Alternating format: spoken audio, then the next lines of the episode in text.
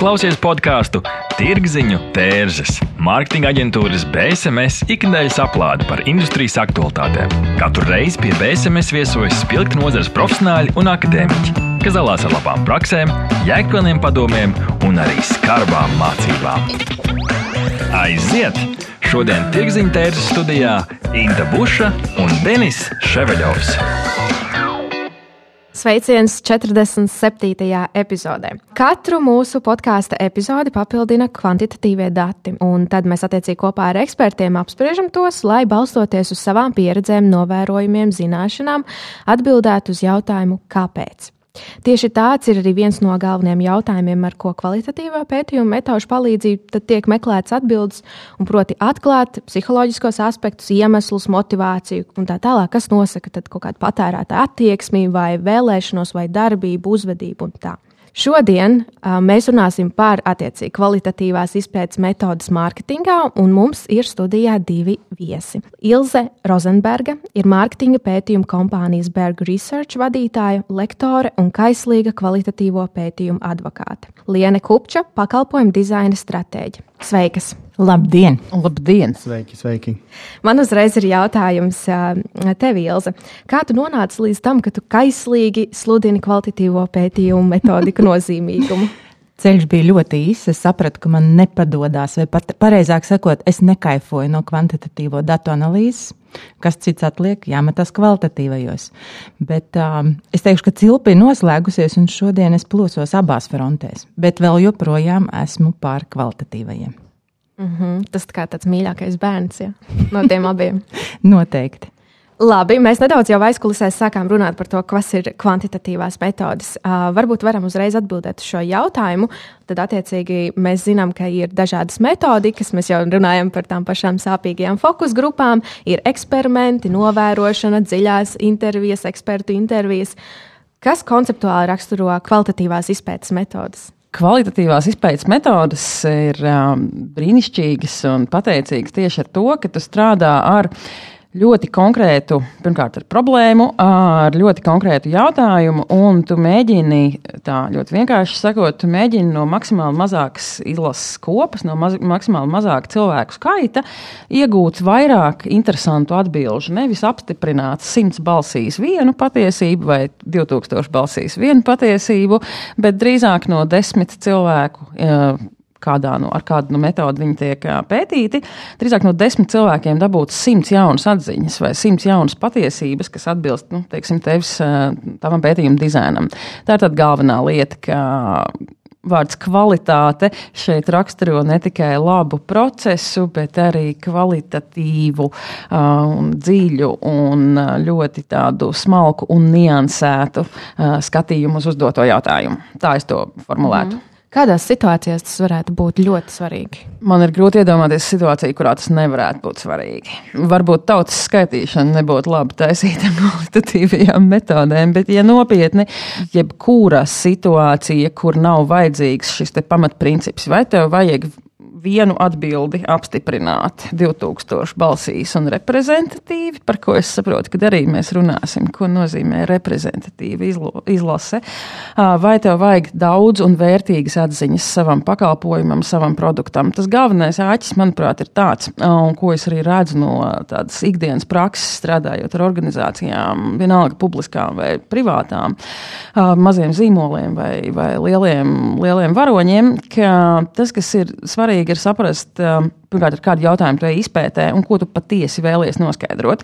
Jo mums kaut kā mm, attīstības ciklā ir sagadījies tā, ka gribas iet pie cilvēkiem un uzdot viņiem nevis kas jums rūp, bet tev taču patīk mans produkts, vai ne? Tu taču pirksi vai pastāsti, kas man ir jāizdara, lai es tavu produktu pirktu vairāk. Un tā ir ļoti kļūdaina uh, ieeja vispār, jebkurā pētījumā, kur nu vēl kvalitīvajā. Un tāpēc ar kvalitīvām metodēm ir tas brīdis, kad ir jāpasaka, kas ir tas, ko mēs gribam noskaidrot, ko mēs esam gatavi dzirdēt un kādā veidā, ko mēs ar to darīsim tālāk. Ilze, kurā Būtīs. brīdī uzņēmumi varētu saprast, man ir vajadzīga tieši šī metodika un vispār kaut kādas kvantitatīvās, kvalitatīvās, kvantitatīvās Tā ir. Tāpēc mēs šodien arī tā esam sarunu. jā, mēs tik daudz runājam par šīm pētījuma metodēm. Vispār es um, jā, jo... tagad mācos lietuviešu valodu, un viņam ir tādi vārds kvalitāte un kvantitāte ir uh, lat, uh, liet, lietuvisko, lietuviskoti, lietuviešu valoda ir kiekībā un kokībā. Uh, un kiek ir cik, tā kā jautājums cikībā un kādībā. Tā kā šādi mēs varam. Good luck! ļoti labi, tāpēc, ka tā ir, jo kvalitatīvās metodas tieši atbild uz šiem kāpēc, kā uz motīviem, mm -hmm. un mhm. kvantitatīvās uz cik. Un lietuvieši ir ļoti liela maliča ar savu dažraini un kekību šajā gadījumā un daudzām citām lietām. Bet Intes noķēra tavu domu Es tev jautāju, ja es pareizi spēju atcerēties pēc mūsu ekskursijas uz Lietuvu. Tur ir divas daļas. Tu jautāji, nu, kā viņi var saprast. Ļoti bieži nevar saprast, un tur nav ko pārmest, un tas ir normāli, jo ir miljons lietu, ko mēs dzīvē nezinām, neprotam, un iespējams mums tas nemaz nav jāprot. Bet tā, viens no signāliem, kas var iedot sajūtu, e, šeit tiešām vajag kaut ko kvalitatīvu pētīt, ir apzināties, ka mēs katrs dzīvojam savā burbulī, Tagad ir modē runāt par burbuļiem, un mums vienkārši ne mentāli, ne fiziski nav iespējams pat aizno pieslēgties kādam citam burbulim. Un šis ir viens uh, super izgaismojošs brīdis, kad tu saproti, bet es gribu saprast, kā viņi tur ārā dzīvo, domā, elpo, pieņem lēmumus. Tas būtu viens no jautājumiem. Otrs, man liekas, arī tāda drosmīga atziņa, ka es gribu darīt nu, kaut ko pilnīgi, pilnīgi citādi nekā vispārējie. Un kad tu sāc meklēt tādus super ne izmantotus ceļus vai nebijušus musturus darbā, stratēģijā, produktu attīstībā, komunikācijā, nu tad ir īstais laiks pateikt, eu, es esmu gatavs, darām kaut ko pilnīgi savādāk. Un tad arī ir kvalitatīvās metodas. Principā tāda ļoti būtiska īpašība, lai varētu dabūt un saņemt to informāciju kvalitatīvajā pētījuma metodikā, ir spēja uzdot īstos jautājumus un ieklausīties. Pareizi? Un vēlme dzirdēt īstās atbildes. Pilnīgi piekrītu. jo vēl ar to kvantitatīvo dzīvi ir tā, ka mēs varam izvēlēties, kuru jautājumu tad mēs visu laiku kā, kā mēs paplašināsim savus segmentus.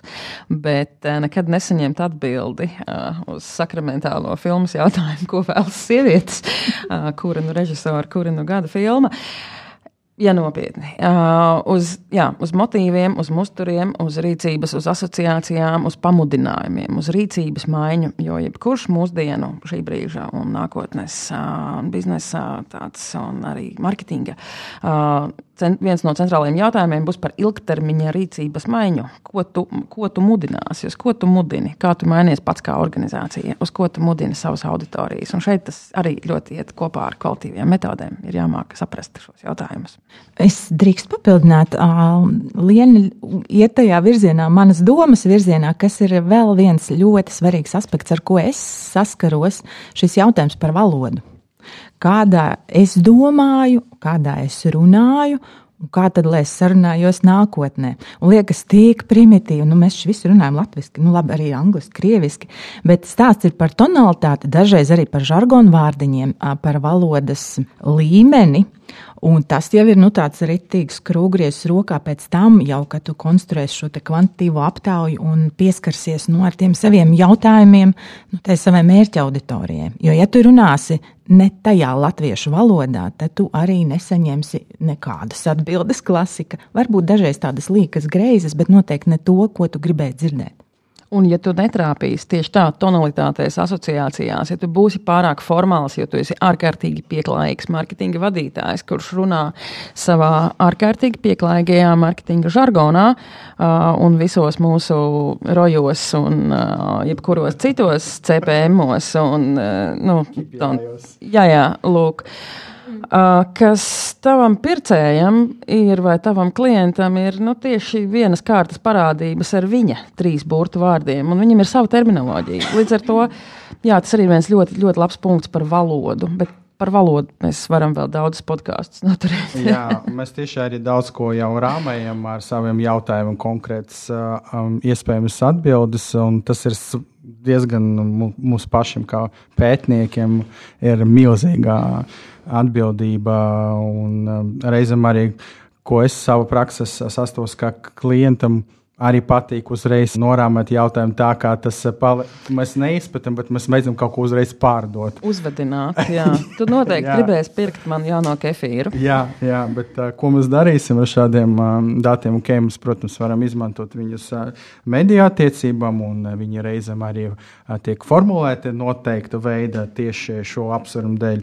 Bet izskatās, ka tik un tā mēs iesim uz um, jauktām uh, pētījumu metodēm. Uh, mēs varam kaut ko verificēt komunicēt caur uh, in, dziļām intervijām vai fokus grupām.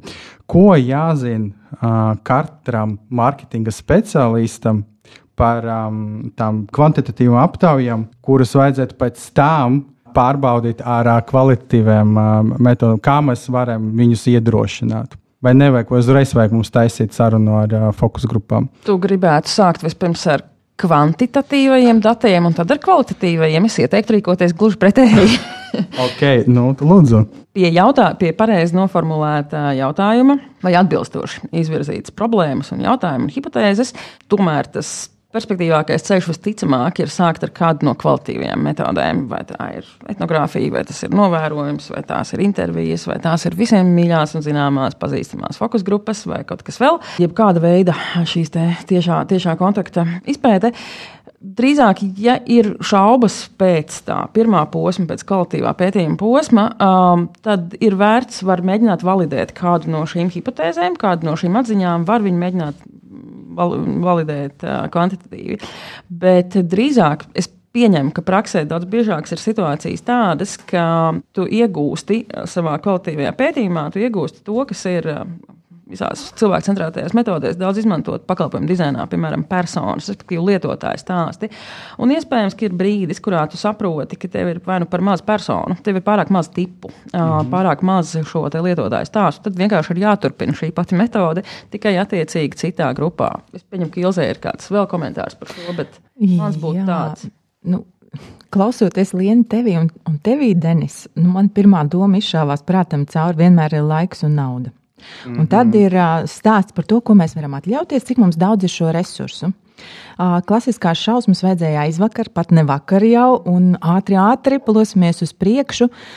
Un tad ir, liekas, jāapsēžas vai no ūdens glāzi, vai vakarā ar vīna glāzi, un jāsaprot, kas ir tas, kas tev šobrīd ir nu, ārprātīgi nepieciešams.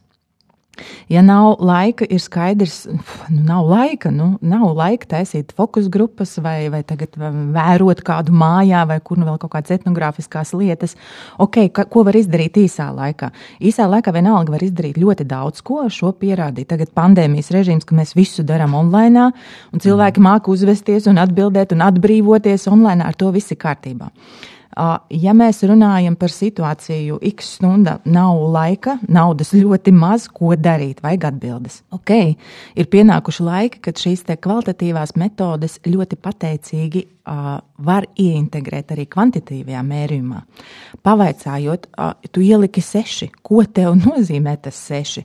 Tu saki ļoti labi informēts ko tu saproti ar ļoti labu informāciju. Un ticiet man, šajā gadsimtā īkšķi mums ir tik attīstīti un muskuļoti, ka cilvēki labprāt raksta un skaidro šīs savas atbildes. Un tad ir jautājums tikai tehniskā puse, kā mēs šo te apstrādājam un ko mēs tad darām ar to iegūto informāciju. Bet es pilnīgi piekrītu kolēģei Liene, noteikti ir vēlams, ļoti, ļoti vēlams ievilkt telpu un atvēlēt šo laiku arī šai te, nu, padziļinātai izpratnē, vai es pat teiktu, arī ieiešanai tēmā. Jo mēs tiešām tā joņojam, ka mēs ļoti bieži pat nu, fiziski, mentāli paši nespējam pieslēgties nu, tam topikam, tam mērķa klientam, kur nu vēl tipāžus uzlasi. Tas ir tāds ideālā situācija. Bet nu, tas darba režīms visiem ir tāds draiski, jastri, ātrs. Režīms ir tieši tāds, kāds ir, bet jautājums atkal ir par, kvali par, par kvalitāti kvalitatīvo pētījumu kvalitāti. Un ļoti, ļoti precīzi, un tas varētu būt šī ieraksta apakšvirsraksts, ir par laika došanu. Jo labs darba uzdevums, labs pētījuma jautājums, labs problēmas definējums, tas nenotiks ar to steigu. Vakar gribējām izpētīt, rītdien vēlamies būt zīmola topā pašā augšā un saņemt un arī dažas kanu lauvas desertā uzkost. Tā tas gluži nestrādā. Mums visiem ir nu, vienkārši jānomierinās no tā ārprāts skrējienu un jāsaprot tādas ļoti pamatlietas. Un tieši jā, ir kombinētas metodas, tā taisnība, bet arī nevajag bīties uzdot tieši vienu jautājumu, vienu īsu jautājumu. Tas ļoti daudz palīdzēs, jo kaut kur arī ir tas teicamnieku sindroms, ka gribās visās anketās uzdot 25 vai 30 vai 10. Kāpēc? Pietiks ar vienu. Tieši tā, ko tu domāji sacīdams, ka mūsu produkts ir galīgi slikts Twitter lietotāji vai vēl. Jā, nevajag bīties no mazuma jautājumu, bet precizitātes. Mm -hmm. Man jau ir piefiksēts tas, ko jūs minat, kas ir svarīgi šādos pētījumos ņemt vērā. Tad viens ir valoda, otrs ir atbilstošs laiks, dot laiku, lai mēs varētu gan sagatavoties, gan arī veikt to pētījumu. Un uh, tad runājot par laiku, nu, laikam jau tāda viena no nozīmīgām problēmām, kas attiecīgi šo iezīmē, ir vienkārši tas, ka tas nav tikai par vakardienu, bet ir šie uh, tieši kvantitatīvie dati, kas, kā tu tieši saki, ne, ir vienkārši skaisti cipariņi. Mēs viņus neiedziļināmies, bet viņi pilnīgi strādā priekš atskaitēm, viņi strādā priekš tālāk, lai nodotu kaut kādu reportu un pateikt, ok, es esmu izdarījis savu daļu, un tā neiedziļināšanās laikam arī ir tāda vēlme. Pareizi, tā ir izvēle neiedziļināties varbūt. Kā jūs teiktu? Tas ir ritms, tā ir kultūra, tas ir, tur ir ļoti daudz iemesli, kāpēc sāksim ar sevi. Kāpēc katram no mums reizēm patīk tā ātri pārērēt pāri un būs labi? Man liekas, ka uh, nevajag iet motīvos, kāpēc tu kaut kur neiedziļinies. Ir vērts skatīties, kas palīdzēs vai kāpēc iedziļināties ir vērts. Un man, godīgi sakot, arī vērojot dažādas, tiešām vērojot un redzot organizācijas, man liekas, ka vēl ir tāda viena lieta par tiem datiem, par kvali, ne, kvantitatīvo, beidzot arī es apvienojos par kvantitatīvo pētījumu pusi, ir tas, ka mēs viņus, protams, nosaukt vārdā, lūk, re, kur ir mans kvantitīvais pētījums. Bet tā izpratne par to, ko tad katrs, ko tad nozīmē šie dati, kā tu vari šos ciparus pārlikt informācijā, pārlikt stāstā, tā klibo, jo tur ļoti prasa, nu, tur ir vajadzīgas lielas zināšanas, un, un tas ir jāprot, un ne visi. Uh, lielo datu izpētnieki un atnesēji prot izstāstīt, ko tad lūk, šī indeksa maiņa mums nozīmē un, un kādi ir signāli uh, par redzētajām izmaiņām tirgū. Tāpēc viena liela lieta ir zināšanu trūkums un zināšanu attīstība. Un tur atkal kvalitīvie pētījumi, protams, nu, iespējams, nāk par labu, jo maz, bet saprotami. Un tas tomēr viss iet kopā. Mēs tagad dodamies uz otro daļu, kur runāsim jau nedaudz detalizētāk arī par katra paša atbildību. Neatbildami jautājumi, sarežģīti lēmumi. Sazinies ar Norstat. Mēs palīdzēsim. Norstat tas ir draudzīgs servis, innovatīvi risinājumi un kvalitatīvi dati, lai tu varētu pieņemt veiksmīgus, datos balstītus lēmumus.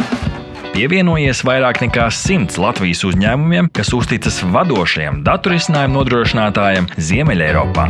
Mūsu mērķis ir atvieglot tavu dzīvi un ļaut pieņemt pareizus lēmumus. Norstat - vērtīgi dati svarīgiem lēmumiem. www.norstat LV Nu, re, arī mūsu draugi Norstat runā par uh, datiem un ka tas palīdz uh, pieņemt vērtīgus uh, lēmumus. Tas ir ļoti forši, un es klausos.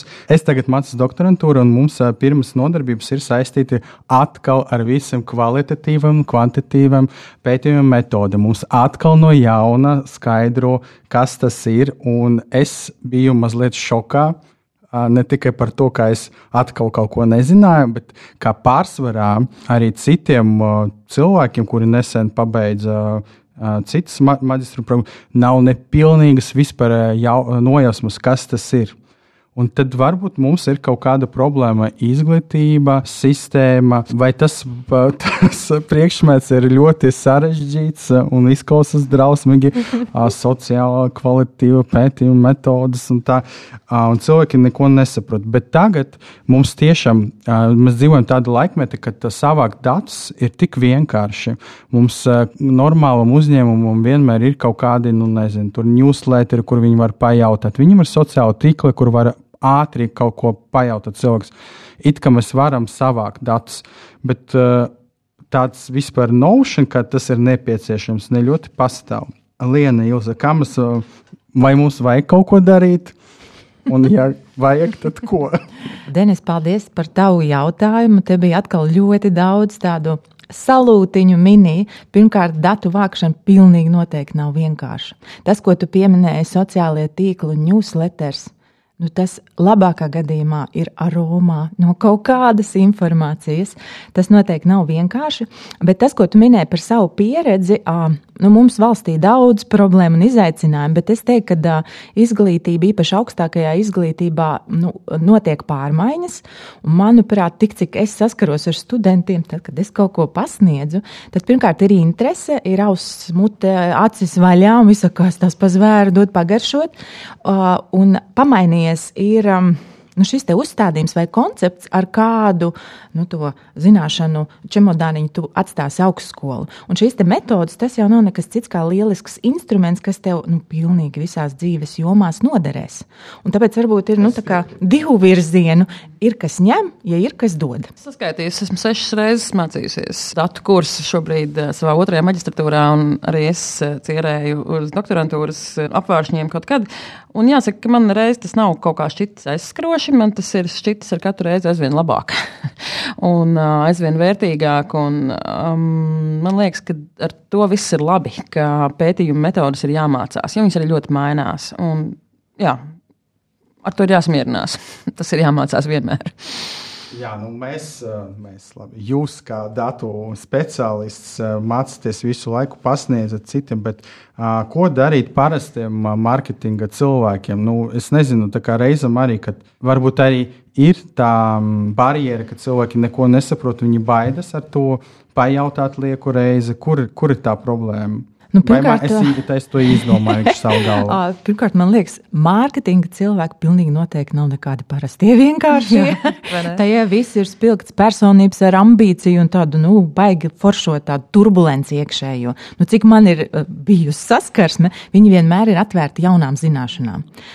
Tas, ko es zinu, ko nedrīkst teikt, ne tikai marketinga cilvēkiem, bet vispār arī studentiem izlasa grāmatu. Nu, tas ir killers. ja šito pasaka, tad ir vāks. tad vairāk nav turpinājuma.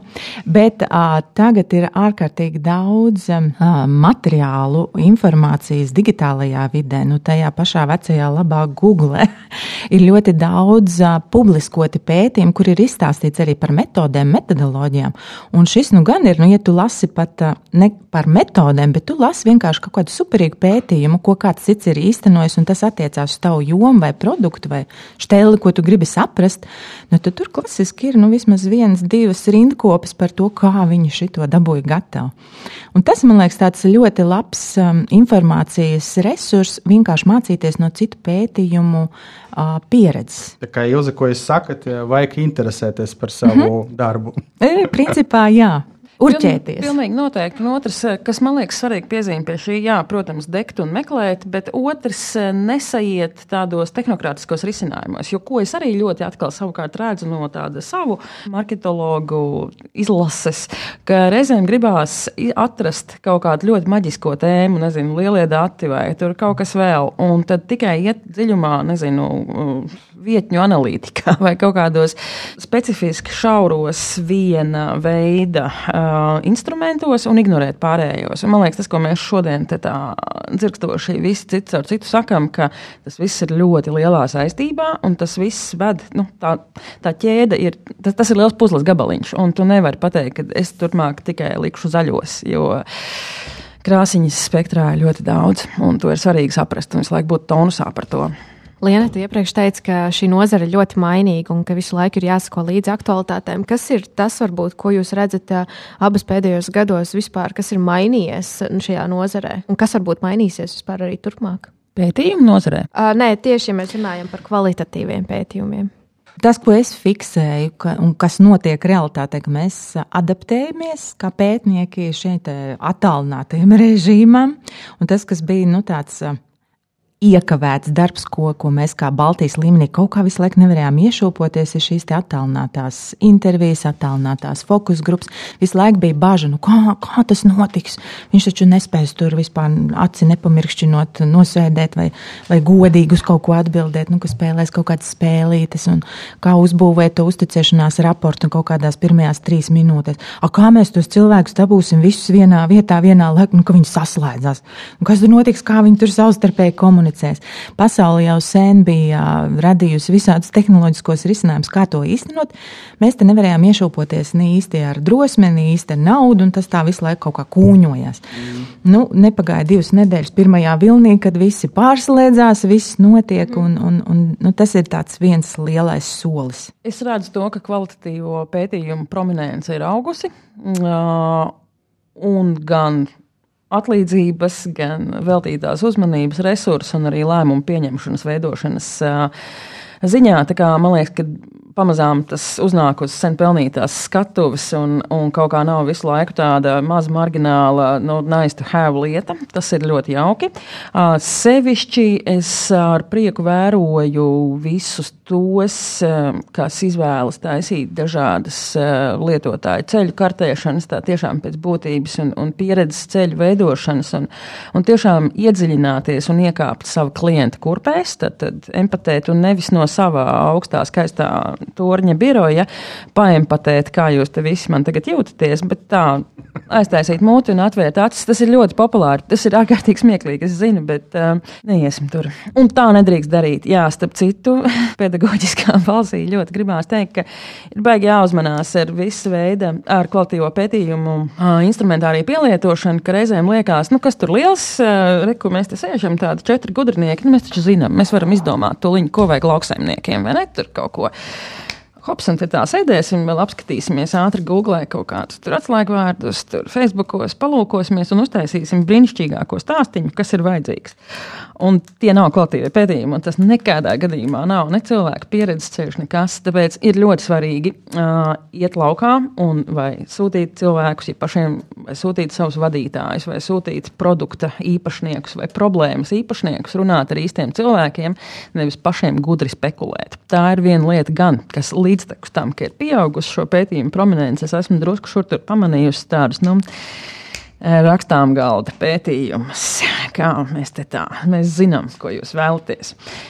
Jā, tas būtu tāds man, mana piezīme. Mm. Tā tāda ļoti liela spēja ieklausīties un neprojicēt savas uh, nu, idejas un domas kaut kur ārpusē. Jā, vispār man liekas, ka jo vairāk strādā ar kvalitatīvo instrumentāriju, jo vairāk saproti, ka nevelti sanāk gudrība. Ka tev ir divas acis, divas ausis un viena mute, un jālieto proporcionāli, ir ļoti, ļoti svarīga. Jo kvalitatīvo pētījumu arī vadīšana, vai tās ir šīs pašas mīļās intervijas vai fokusēnes vai kas nu vēl, uh, ir ļoti jāvar noņemt sevi nost. Tāpēc, ka, un sevišķi tāpēc es varu personīgi atzīties, man ar tām fokus grupām, varbūt pēc, tā ir viszināmākā metode, un tur reizēm gadās tāds dažādi rezultāti, nevienmēr gluži reprezentatīvi. Uh, man liekas, es vienkārši ļoti daudz esmu redzējusi situācijas, kurās uh, tas rezultāts ir tāds, tāpēc, ka grupas dinamika un arī vadītāja dinamika ir uh, šo rezultātu tādu izveidojusi, tīšām vai netīšām. Un tāpēc man liekas ļoti svarīgi noņemt no to savu personības faktoru un tiešām spēt klausīties. Un tas arī ir āķis reizēm ar intervijām. Tāpēc, kad tu tā aizdodies un uzreiz sāc runāt, nu, ir jāvar izveidot raports, ir jāvar uzveid, izveidot uzticamību. Jo arī cilvēks otrā pusē vienmēr atbildēs ļoti labi. Es eh, vienkārši maz, maz, maz stāsts eh, bija viens neliela, bet svarīga izpēta par kādu veselības jautājumu. Uh, kur visi cilvēki, tad, kad es ar viņiem par to runāju, kā intervētājs, viņi visi, viņiem visiem bija ideāls dzīvesveids. Viņiem visiem bija perfekts diētas, visiem bija sports, viss bija super. Neviens nekad nebija lietojis alkoholu, ko jūs par mani uzdodat. Ja? Nu, bet tad tur kaut kā ir jāvar tā saruna, tā lēnu gāru, viņu pašu, uz viņu pašu piemēru. Tev ir jāvar cilvēks bez pazemojuma, protams, aizvest uz to, ka, nu, pagaidi, rekur, te mums ir šāds jautājums, un tad, kā tu to, to savu veselīgo dzīvesveidu tieši tur nonāci. Nu, Tāpēc, ka mēs esam cilvēki, mēs esam šausmīgi neracionāli, mēs ļoti gribam patikt. Gan intervētājiem, gan intervējumam ir savi ego. Nu, tur ir, tas ir tāds, eh, latviešu sakot, people skills, ne, bet tā ir tiešām tāda smalka nianse, kā tas izveidojās, kad nevelti kvalitīvi pētījumi prasa laiku. Nu, jā, laiks tam ir jāvelta, un laiks ir nauda. Liena, kā jums šķiet, vai uh, mākslīgais intelekts varētu tuvākajā nākotnē kļūt. Kļūt tikt galā ar šo ego un pats vadīt, piemēram, fokus grupas. Es citēšu kādu savu ļoti labu un tuvu draugu, ka pirms mēs dzīvosim ar mākslīgo intelektu, mums būtu ļoti labi izmantot pašiem savu dabisko intelektu un to attīstīt līdz cilvēku cienīgam līmenim. Skarbi. Nu, Bet mēs varam. okay. Man jau mēs lēnām tojamies epizodes arī noslēgumam. Es vēlos, lai varbūt jūs padalāties ar kaut kādiem case studijiem, reālām pieredzēm, ko mūsu mārketinga eksperti, klausītāji, kas tagad klausās, viņi domā, ok, ok, saprotu, šis ir ļoti svarīgi, ir dažādas nianses, kas man jāņem vērā. Bet kā tas man reāli varētu izpausties un ar ko, man var, ko vispār man sākt? Varbūt jūs varat padalīties kādu pieredzi, kas varētu būt relevanta. Man pirmais, kas iešāvās galvā, bet to es arī redzu kā ļoti pozitīvu momentu, ka lielās kompānijas iedzīvinot design thinking metodoloģiju sūta savus vadītājus pie dzīvajiem klientiem tur ārā. Jā. Kā iet, nu, tas cits jautājums, bet viss ir dzīvi un noteikti tas ir ļoti, ļoti veselīgi un, un, un tas nes daudz labumu. Bet uh, es teiktu, ka nu, nav jau jāšauj ļoti tālu no tā uzņēmuma, no tās zīmola. Uh, pietiek jau, ka tu aizēji uz citu stāvu, aprunājies ar kolēģiem. Īpaši īpaši interesanti parunāties ar front office darbiniekiem, mm -hmm. ar call centra darbiniekiem, kuri dzird to dzīvo valodu tā, ka nemetās. Un uh, pat citreiz mūs pieaicināt no ārpuses, nu, parunājiet ar tiem kolu centra darbiem, nu, ko viņi plosās, nu, kāpēc viņi jūg prātā. nu, tas nozīmē, ka tur neviens ar to liftu nav nobraucis līdz tam kolu centram un paprasīs, ko tie cilvēki jums vaicā, par ko viņi jūs lamā, kas ir klasiskais pufu gadījums. Nu, tā kā var sākt ar mazumiņu, nav obligāti jāliek mugursoma mugurā un jāvelk ķiveru galvā un jāiet kaut kur, nezinu, tumšā mežā meklēt kāds dzīvais patērētājs. Es teiktu, ka tas, ko lientēs nu, pa tām ausīm un acīm, to var sākt praktizēt arī biroja ēkā esot iekšā. Mēģinot būt atvērtam un sadzirdēt, kā pārējie jūtās, nu, tie lielie, lielā motora zobratiņi.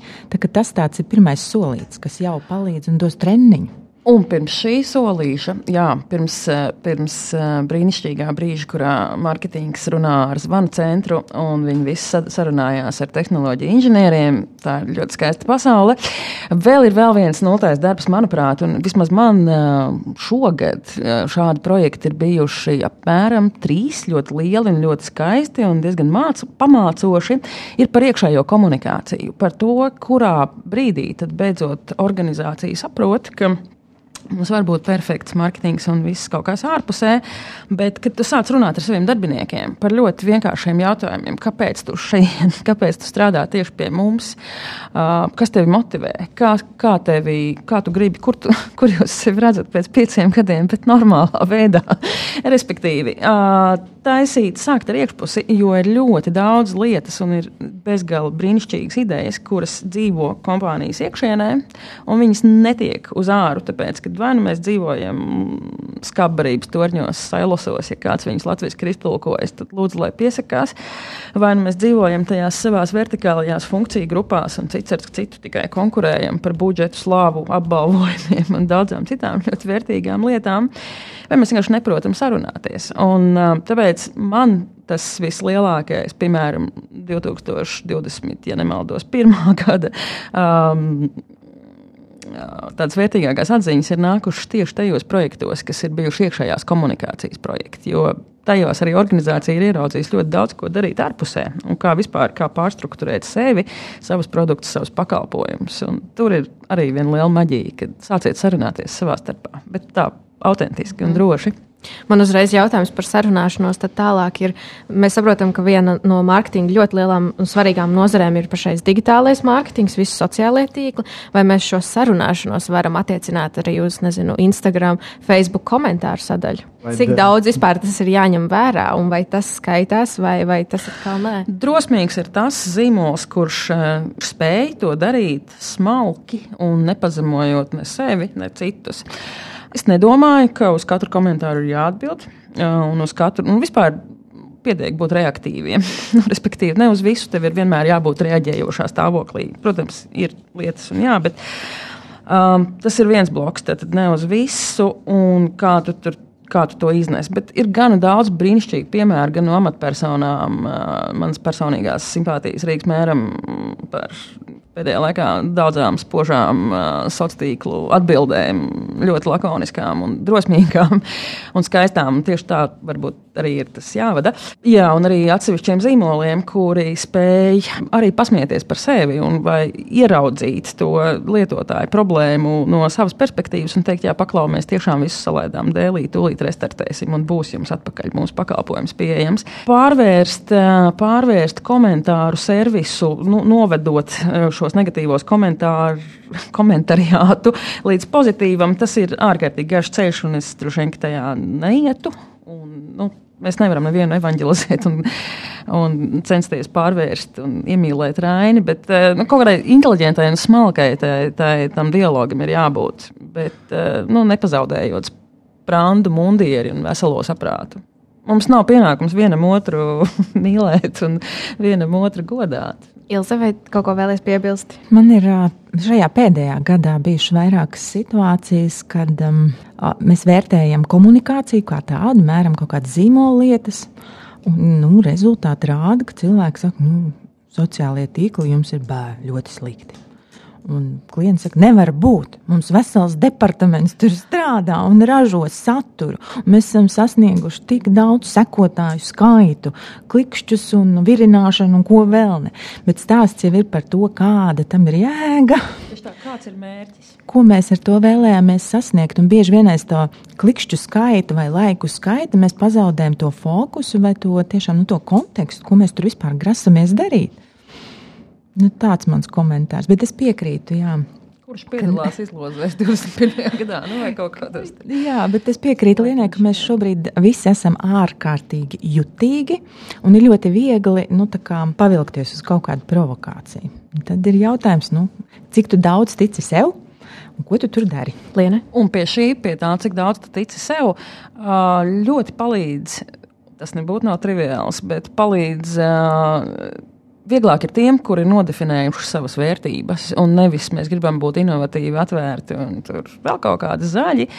Bet arī tieši šajā saskarsmē, cik tālu un cik augstu mēs celsimies, un ko mēs teiksim un ko mēs neteiksim. Un to tiešām savukārt kā sociālo tīklu platformu lietotāji, mēs diezgan labi redzam, kuriem zīmoliem izdodas konsekventi nostāvēt savā vērtībās savā tādā konsekvencē, savā, savā tonī, savā, un arī savā vēstījumā, līdz ar to savā robežās, un kur ir tie, kas mēģina izdabāt līdz ārprātam, lai tikai gadījumā nedabūtu sev kaut kādu ai, ai, negatīvu publicitāti.